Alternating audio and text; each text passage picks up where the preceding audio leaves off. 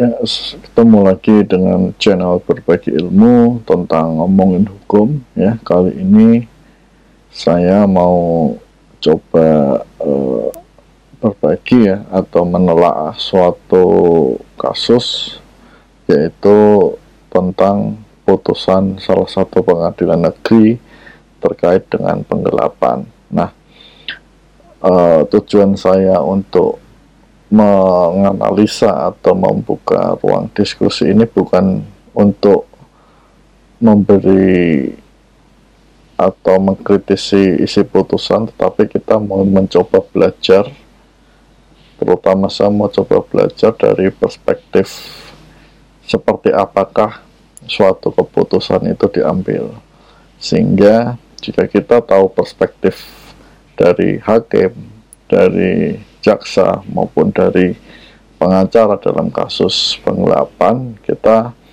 akan bisa menambah pemahaman kita untuk uh, menghadapi atau uh, untuk menangani suatu permasalahan. Jadi tujuannya itu uh, putusannya apa pun itu ya kita tidak akan komentari karena sudah berkekuatan hukum tetap dan memang bukan ranah ranah saya atau ranah kita untuk mengomentari tetapi yang kita mau bahas tadi adalah perspektifnya. Nah kita langsung saja ya. Nah.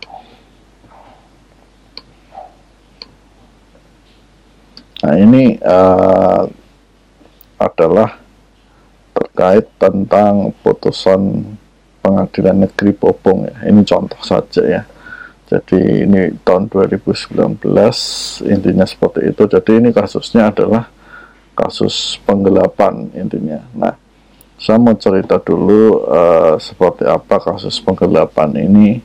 Jadi awalnya adalah seorang tersangka ya, tersangka katakanlah Mr. X itu adalah karyawan atau sopir di suatu perusahaan yang bergerak di bidang uh, katakanlah uh, bahan bakar atau BBM.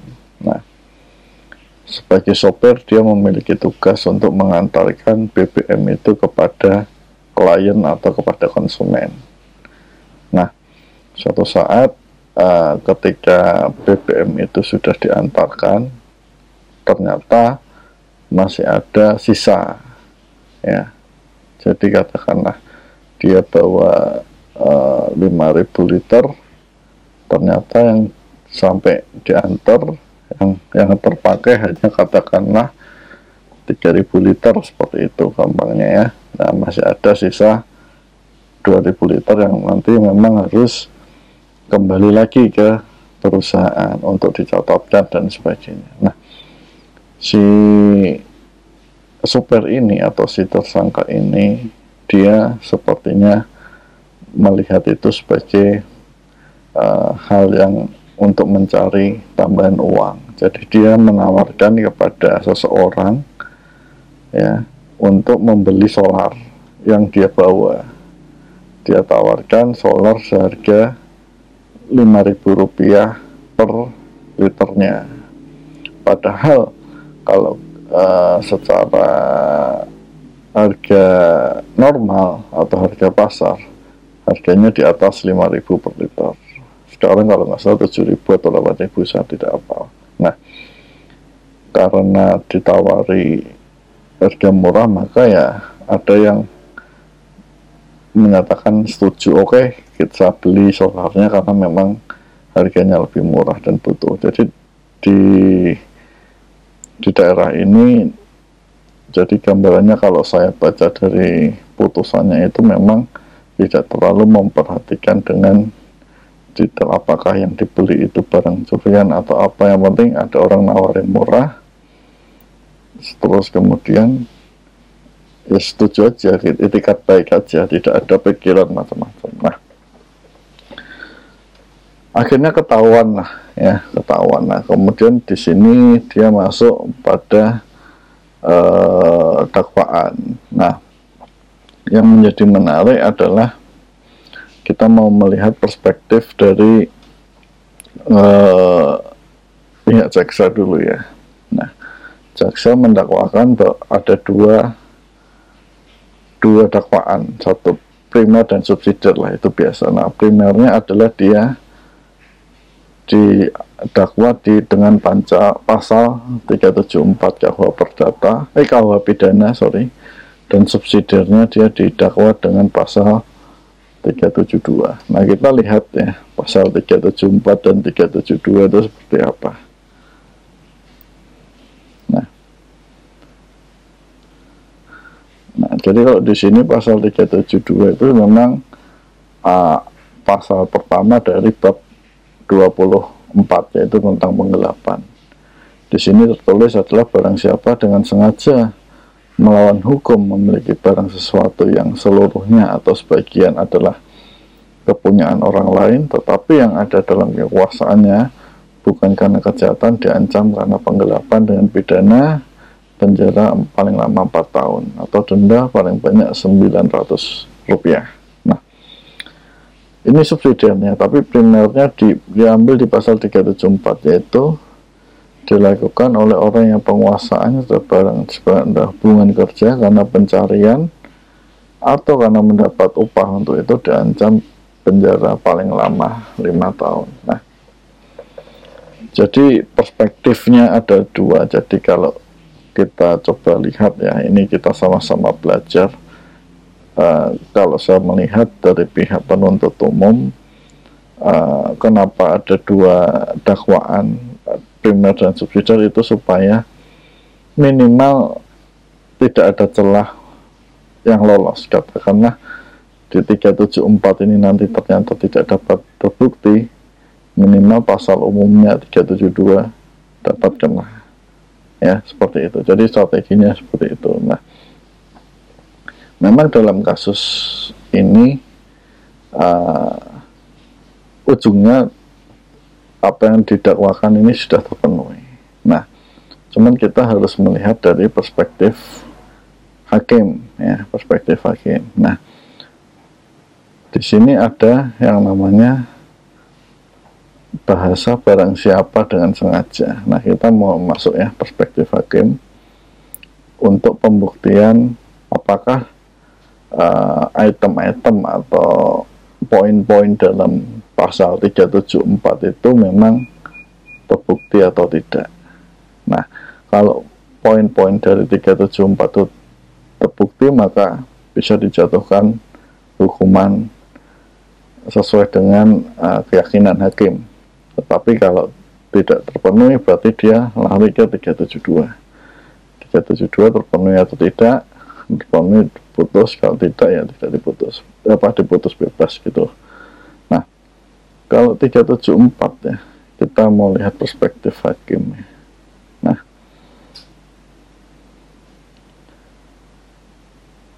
nah ini ya jadi menimbang terdakwa didakwa penuntut umum dengan dakwaan subsidiar maka terlebih dahulu mempertimbangkan dakwaan primer ya jadi perspektifnya kalau hakim itu pasti yang primernya dulu, 374 dulu. Unsurnya adalah unsur barang siapa, terus kemudian dengan sengaja dan melawan hukum memiliki sesuatu atau seluruhnya sebagian milik orang lain yang ada padanya bukan karena kejahatan yang dilakukan oleh orang yang memegang barang itu berhubungan dengan pekerjaannya unsur barang siapa. Nah, barang siapa ini dia melihat bahwa subjek atau orang yang bisa melakukan. Jadi adalah orang yang memiliki tanggung uh, kecakapan atau bisa berbuat hukum secara cakap. Sehat jasmani rohani kemudian dapat bertanggung jawab dengan hukum.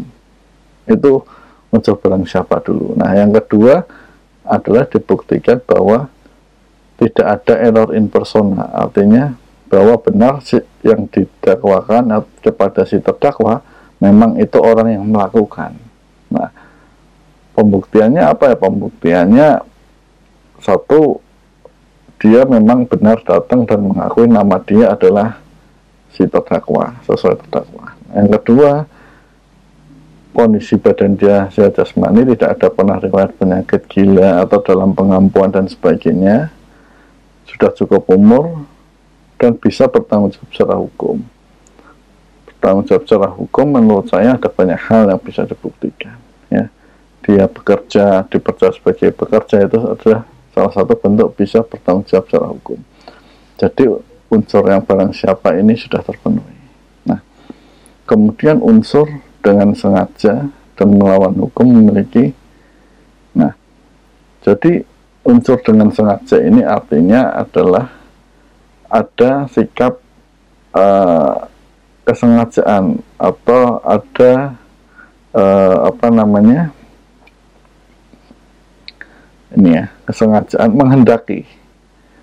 Ya jadi menurut penjelasan dimaksud kesengajaan adalah menghendaki terjadinya suatu peristiwa. Ya menghendaki. Artinya si terdakwa ini memang menghendaki terjadinya barang itu dibawa sendiri dan mau dijual. Memang dia kehendaki itu. Jadi sesuatu yang memang uh, dia pengen lakukan. Artinya dia menghendaki suatu tersebut kemudian melawan hukum artinya barang yang dia miliki itu kan harusnya milik perusahaan milik orang lain. Nah tetapi dia tidak uh, meminta izin terlebih dahulu atau uh, tidak melakukan upaya hukum yang legal untuk memiliki barang itu untuk diperlakukan dijual kepada orang lain. Artinya penjualan itu tidak dipengetahui oleh pemiliknya, artinya itu unsur melawan hukumnya. Ya. Seperti itu. Nah, kemudian yang ketiga adalah unsur yang ada padanya bukan karena kejahatannya. Jadi barang itu bisa ada di situ memang karena dia tugasnya sehari-hari adalah sebagai pengantar barang itu. Jadi dia miliki itu memang dia kuasai karena memang pekerjaannya. Bukan karena dia mengambil. Ya. Seperti itu. Nah, selanjutnya unsur yang lain adalah dilakukan berhubungan nah ini sama kan tadi? Berhubungan dengan pekerjaannya. Karena ia mendapat upah uang. Nah karena dengan menjual barang yang bukan haknya itu tadi yang memang dia kuasai karena job description dia atau tugas dia sebagai sopir dan atas penjualan itu dia berharap mendapatkan upah uang sejumlah tadi kalau dia jual 5000 per liter sedangkan ada 300 liter ya tinggal dikalikan saja. Sekitar mungkin uh, kalau 300 liter berarti kali 5 berarti 1,5 juta dan sebagainya. Seperti itulah ya. Nah dari terus kemudian berhubung pekerjaannya cara ngeceknya gimana ya? Pertama pasti minta SK dari si perusahaan. Apa benar ini pegawainya ini? Yang kedua penggajian. Apakah tiap bulan dia rutin mendapat gaji dari si perusahaan? Kalau itu sudah terbukti maka sudah dipastikan bahwa itu adalah pegawai yang sah seperti itu. Nah ya. Jadi seperti itu ya. Uh, kalau saya membaca putusan ini jadi keempat unsur tadi sudah terpenuhi semua. Nah ya. Jadi kalau memang sudah terpenuhi berarti tidak perlu lagi kita mengat, mengacu pada unsur dakwaan subsidiar seperti itu ya. Nah ini kan menimbang bahwa karena dakwaan primer telah terbukti maka dakwaan subsidiar dan seterusnya tidak perlu dipertimbangkan lagi.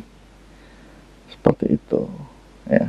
Nah nah di sini karena memang sudah uh, terbukti semua dan sebagainya maka dihukumlah. Nah ini ada dari terdakwa. Tapi sebelum masuk ke situ biasanya ada yang apa ya faktor pemberat dan peringan. Nah ini faktor pemberat peringan ya. Kita bisa lihat uh, apa namanya yang menjadi pertimbangan majelis ketika memutus kasus ini Nah, ini kan disampaikan kan bahwa pertimbangan tersebut dan memberikan pertimbangan memperhatikan nilai keadilan hukum, keadilan sosial dan keadilan moral. maka putusan ini dijatuhkan sesuai dengan rasa keadilan. Ya nah. Ya intinya itu. Ya, nanti putusannya bisa dibaca sendiri. Nah ada satu hal yang menarik menurut saya ya. Jadi kalau yang si terdakwa ini kan memang dia sengaja ya sengaja untuk menjual barang. Tetapi ada suatu kejadian yang siapa pun mungkin harus berhati-hati biar tidak dianggap sebagai uh, penggelapan atau upaya penggelapan ya. Yaitu ketika kita uh, mengantarkan barang atau apa pun atau menjalankan suatu pekerjaan lakukanlah sesuai SOP perusahaan. Artinya begini ketika anda mengantar atau mengantar barang katakanlah anda punya tugas seperti inilah mengantar katakanlah bukan bukan BBM katakanlah laptop. Laptop kantor Anda punya tugas untuk mengantarnya ke seorang pegawai atau klien lah. Nah ternyata setelah Anda datangi tempat klien atau si yang dituju itu tidak ada orang. Tidak ada artinya tidak ada yang bisa menerima. Nah kalau tidak ada yang bisa menerima, saran saya Anda harus segera pulang kembali ke kantor untuk menyampaikan dan membuat berita acara bahwa pada hari ini sudah diantar tidak ada orang maka ini dikembalikan ditaruh di kantor jangan anda bawa pulang atau malah anda gunakan untuk kepentingan anda pribadi sendiri. Contoh simpelnya gitu. Kenapa? Karena itu bukan untuk Anda ya. Itu untuk klien sesuai SOP jadi kalau Anda bekerja ya saran saya ya lakukan pekerjaan Anda sesuai dengan SOP yang sudah ditetapkan ya. ketika tidak ketemu orang ya sudah di, Anda balik Anda lapor bahwa tidak ketemu ini barangnya saya kembalikan lagi ke kantor sehingga Anda dari situ tidak memiliki tanggungan. Nah, itu yang saya uh, dapat pelajaran dari kasus ini. Nah, penting bagi kita semua untuk memahami bahwa uh, bahwa nilai kerugian sekecil apa pun ini larinya bisa panjang. Contoh kalau yang ini saja kalau saya baca ya, kerugian yang diderita itu mohon maaf ya hanya sekitar 7 juta rupiah 7 juta rupiah nah tetapi sepertinya kena 7 juta rupiah itu kan angka yang kalau kita lihat zaman sekarang itu tidak terlalu besar. Ya artinya orang bisa pinjam online aja bisa langsung dapat cair mungkin satu juta dua juta tanpa agunan dan sebagainya. Hanya tapi kalau orang pinjam pakai sertifikat atau mungkin jaminan motor pun mungkin bisa lebih tinggi. Bahkan ketika kita coba hutang leasing pun kita cuma bayar 500 ribu dapat aset senilai mungkin bisa 17 juta 18 juta sebuah sebuah motor gitu kan nah saya mau mencoba menganalogikan bahwa hati-hati dengan hukum. Artinya begini, ini kan kerugian kalau kita baca di sini kan hanya sekitar 7 juta, tapi kenapa perusahaan ini tetap nekat uh, menjalankan atau mendakwa melanjutkan kasus hukum ke, ke apa ke kepolisian ya kan? Nah. Ya saya berharap pidana itu kalau kita semua melihat ya ini kan apalagi ya saya, saya tidak melihat perspektif benar salah. Artinya ya apa yang dilakukan perusahaan itu benar karena memang bersalah secara hukum punya hak untuk diajukan ke hukum. Tetapi saya melihat alangkah baiknya bila hal seperti ini diselesaikan secara kekeluargaan artinya begini jangan sedikit-sedikit ada permasalahan dalam suatu perusahaan atau apa pun larinya ke meja hijau ya. Kalau memang itu kebangetan dan seterusnya mungkin kalau yang ini mungkin udah kebangetan kali saya juga nggak tahu ya. Itu sebaiknya kalau memang tidak kebangetan ya diselesaikan sekeluargaan katakanlah ini tidak bisa ya lakukanlah mekanisme. Mungkin disuruh resign saja udah kamu keluar dari perusahaan nggak usah ke sini lagi. Seperti itu. Nah kalau kenapa? Karena kan jatuhnya pidana ini uh, membuat orang itu kadang trauma. Ketika dia keluar dia sudah dicap sebagai narapidana. Padahal dia masih bisa jadi dia ada keinginan untuk berubah menjadi lebih baik dan sebagainya. Nah tapi itu pendapat pribadi ya. Nah saran saya itu tadi ya hati-hati dalam bekerja uh, pahami SOP-nya lah ya pahami SOP-nya itu saja dari saya untuk membahas terkait uh, kasus penggelapan.